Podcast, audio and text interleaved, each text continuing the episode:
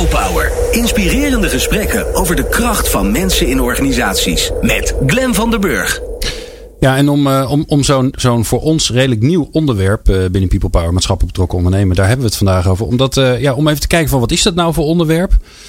ja, dan hebben we onze vaste favoriete redacteur Doekes, die dan vervolgens erin duikt.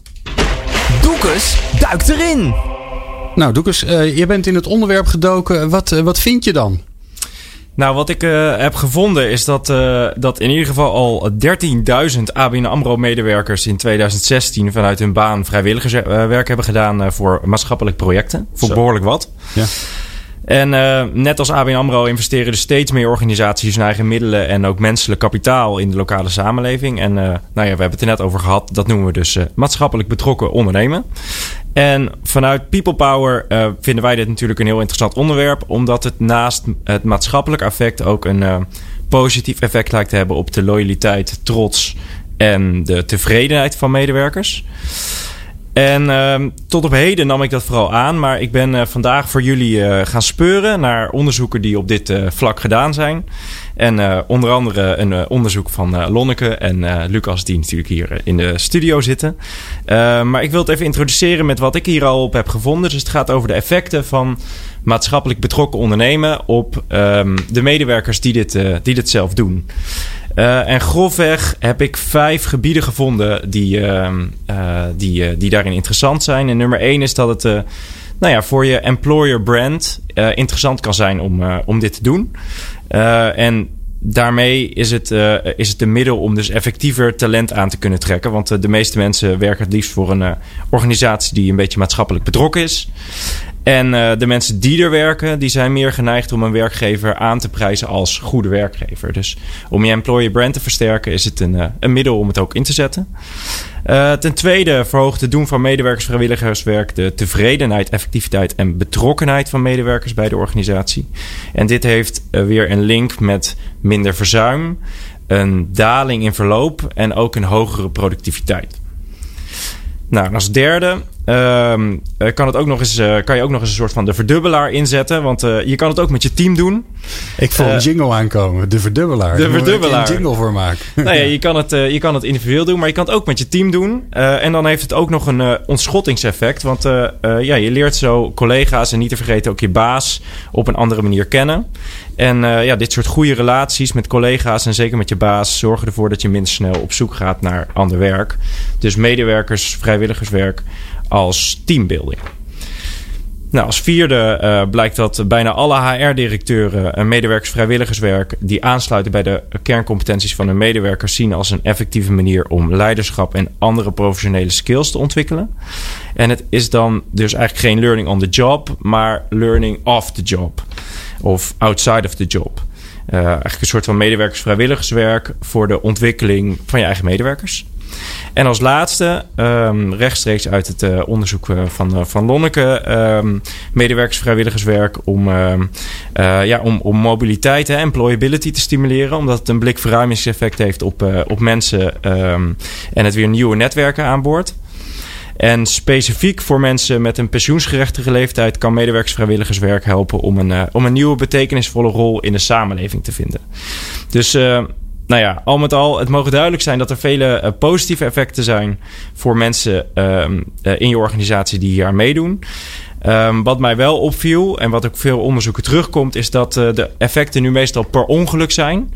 En dat er nog veel kans zit om dit strategisch te verankeren, vooral tussen, tussen HR en tussen de corporate foundations. Dus ik was ook wel benieuwd naar hoe, hoe jullie daar naar, naar kijken, Lonneke en Lucas. Nou, Lonneke, volgens mij heb jij er uh, een beetje onderzoek naar gedaan. Een, ja. beetje, een beetje lang. Tien jaar geleden die eerste scriptie en daarna ook nog gepromoveerd. Nou, dat zul je ook niet in een jaartje hebben gedaan, schat ik in. Um, her, herkenbaar deze punten? Ja, die zijn, uh, die zijn ja? zeker herkenbaar. En ook um, nou, wat Doekes zei natuurlijk de link uh, met, uh, met HR. Uh, die is zeker in Nederland heel duidelijk. in Amerika zou je vaker zien dat het ook ingezet wordt als, als marketinginstrument. In Nederland zijn we daar niet zo, niet zo van. Ook omdat de Nederlandse burger denk ik ook wat, wat kritischer is en wat sceptisch is.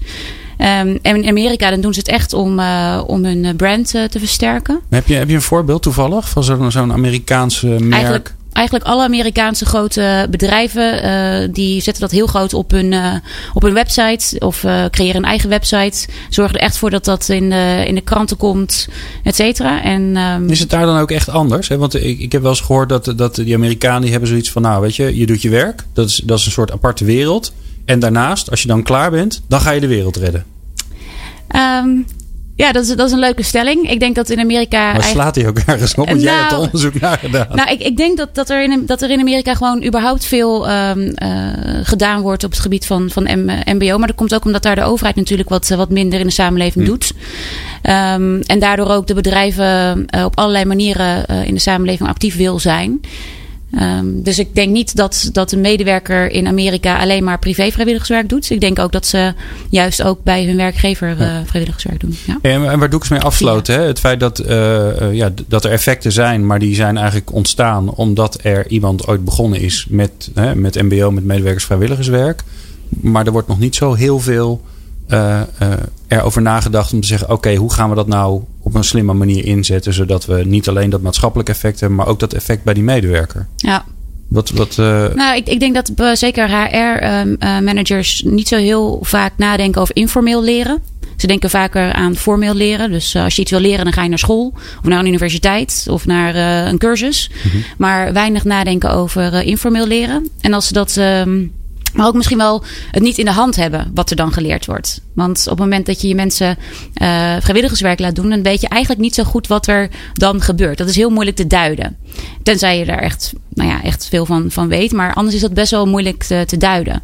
En dat, dat onzekere daarin, uh, denk ik dat dat ook uh, een barrière is eigenlijk voor HR-mensen om daar iets mee te doen.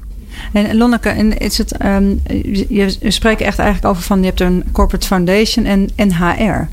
Um, mijn eigen ervaring is dat dat eigenlijk in heel veel bedrijven een soort van twee werelden is.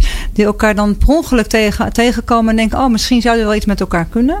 Dan wel, um, nou, misschien ook wel bewust gescheiden worden, worden gehouden. Omdat, uh, nou ja, dan kom je in mijn winkel en dan wordt het allemaal wel heel ingewikkeld. Want ik ben geen opleidingsinstituut, hè, of ik ben geen selectiemechanisme. Dat, nou ja, ik heb daar zelf ook wel eens een, uh, ben ik er ook wel eens tegen aangelopen. Dat ze bij HR dachten: oh, daar kunnen we mooi de foundation voor gebruiken. Dat ik zei: ja, ho, ho, maar daar ben ik niet toe op aarde met de foundation. Um, heb, heb je daar een beeld van hoe, hoe de, zeg maar de samenwerking of de strijd, het is maar net hoe je het wil noemen, tussen die twee nou ja, delen in een organisatie uh, werken? Um, nou, ik denk dat je het zelf wel heel mooi, uh, mooi beschrijft natuurlijk. Uh, dat er aan de ene kant kan er heel veel liefde zijn tussen HR en, en maatschappelijke betrokkenheid van een organisatie. Maar ook inderdaad strijd en die onzekerheid. wat moeten we met elkaar? En ik denk dat echt het goed organiseren van maatschappelijke betrokkenheid ook relatief nieuw is binnen grote organisaties. Dus het opzetten van foundations um, en, het, en het structureel organiseren vrij nieuw is. En bij HR het ook nog een beetje is van wat, wat is dat eigenlijk? En gaat de discussie dan bijvoorbeeld ook over van uh, uh, is dat dan in je eigen tijd of in de basistijd ja. en is het dan nog steeds vrijwilligerswerk? Ja. Dat, dat, dat is natuurlijk ook wel een discussie hè, van nee, het is alleen maar vrijwilligerswerk in je eigen tijd. En als het in de basistijd is, is het werktijd. De, want het, Lucas, begripsverwarring voel ik hier op de loer liggen. Mm -hmm. is, hoe, hoe kijk je daar tegenaan? Nou, die begripsverwarring die is al heel erg lang om allerlei dingen. En eigenlijk is het vanuit het perspectief van vrijwilligerswerk een non-discussie. Omdat zeg maar de, de gedachte van waar die tijd dan zit, of je van jezelf is, of er iemand anders wordt beheerd, over waar je induikt. Hè. Dus je, je bent bij een voetbalvereniging, moet je als ouders je kinderen wegrijden. Vinden we dat vrijwilligerswerk ja of nee, omdat er een rooster is gemaakt? Ja. En wat je eigenlijk ziet is dat die vrijwilligerswerk, wat we, als je het heel strak definieert, dan hou je bijna niks over. Maar in dit geval zie je dus dat ja, wie die tijd gegeven heeft. Weet je, als je, als je, stel dat je de lotto wint, dan krijg je altijd geld van de bank. Kun je dan nog vrijwilligerswerk doen? Ja, weet je, het is een hele lastig soort dingen. Okay, dat is ja. hem eigenlijk niet. Wat wel interessant is, is de vraag van... Kijk, als je van de andere kant redeneert, de ontvanger van dat vrijwilligerswerk... is het daar onbetaalde arbeid voor. En dat is dan vrij ja. snel vrijwilligerswerk. Dus je, je redeneert er vanuit de gever... Aha. Maar dat is hem eigenlijk niet. Je moet hem veel meer vanuit die ontvanger definiëren. Dan krijg je wel lastige dingen hoor. Bijvoorbeeld vind je uh, haltvrijwilligerswerk. Waarbij mensen vrijwilligerswerk doen in het kader van alternatieve straf. Vind je het vrijwilligerswerk ja of nee? Nou, is de grens voor mij. Tegenprestatie is voor mij echt over de grens. De staatssecretaris noemt het ook niet vrijwilligerswerk, maar tegenprestatie. Maar wethouders die graag de tegenprestatie, waar je dus iets terug doet voor je uitkering, uh, willen softenen, noemen dat vrijwilligerswerk. Ja, ja, ja. Dat is niet de discussie die... Nee, eh nee, nee. Ik wilde, ik wilde de grap al maken. eh, het, zou toch het zou toch fijn zijn als iedereen vrijwilligerswerk zou doen. Want het zou betekenen dat de rest onvrijwillig is. Dat je Dat is onvrijwillig naar je, is naar je hele- werk gaat. Ja. Eh, de grap die we altijd wel maken is van, dus, dus, dus dat, eh, het gaat over de volgende, maar het gaat niet helemaal.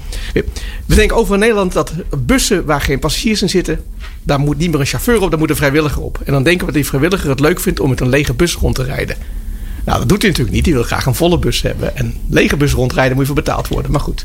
Ja, Ja. Of je moet stoppen met die buslijn. Dat is Ja, nog daarom. slimmer. Ja, of je gaat pakketjes vervoeren. Nou ja, Ja, kortom. of- of wel- doe iets anders met die lege Ja. bus, zou ik zeggen. Dat, is, dat is een leuke voor een, voor, een volgende aflevering een keer. Ja. Dat we gaan brainstormen over die lege bussen die heen en weer gaan. Ehm, eh, ik, ik ben eigenlijk wel heel erg benieuwd nog naar een voorbeeld. Hè? Want we hebben, we hebben het gehad over waarom je dit moet doen. En wat de effecten zijn voor, eh, voor de maatschappij en voor medewerkers.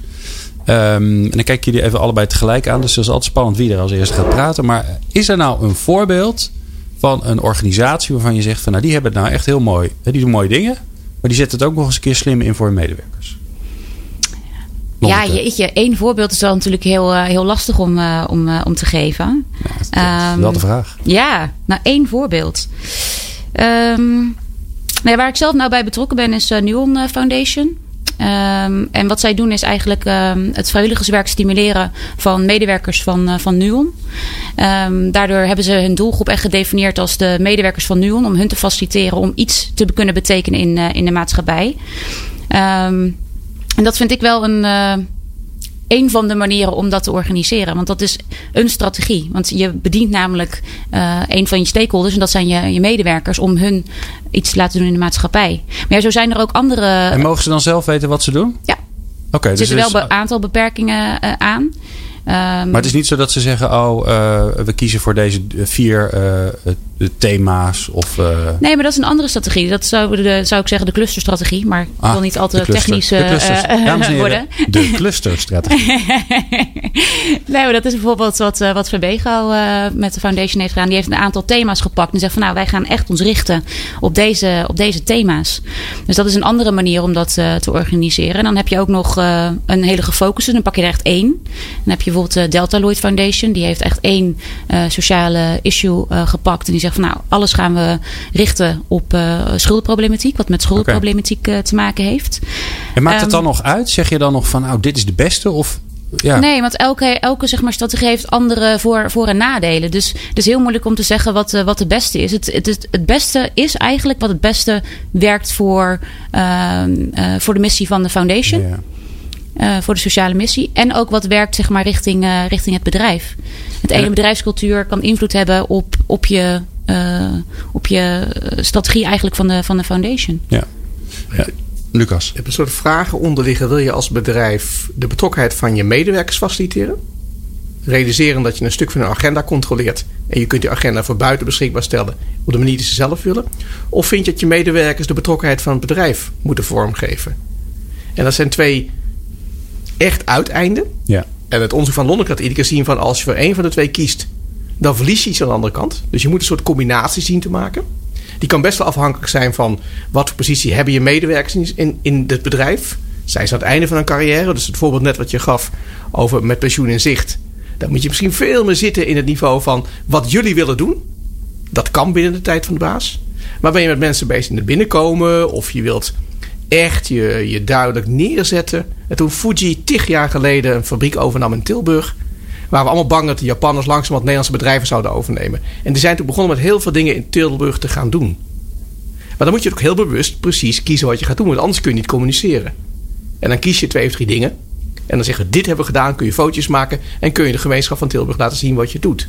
Dat kan je niet als je mensen zegt van nou, doe maar waar je zin in hebt. Vinden we allemaal even Ja. leuk. Ja, en dan zal misschien de buitenwereld het ook minder goed snappen. Dan snapt de buitenwereld Ja. veel minder goed. Dan dat- heb je allemaal mensen nou die op verjaardag gaan zeggen... ik mag dit van de baas. Ja. ja. Nou, daar wil ik straks nog veel meer van weten. Eh, welke vormen je allemaal hebt. En, eh, en eh, nou ja, net vroeg ik heel flauw naar één voorbeeld. Maar we gaan natuurlijk nog over veel meer voorbeelden hebben straks. Let's Talk Business. Op Nieuw Business Radio. Praat mee via @nieuwbusradio_nl.